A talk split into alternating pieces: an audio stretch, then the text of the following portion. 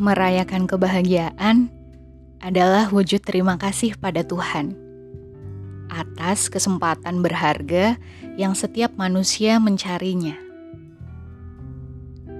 Merayakan kesedihan adalah bentuk kedewasaan.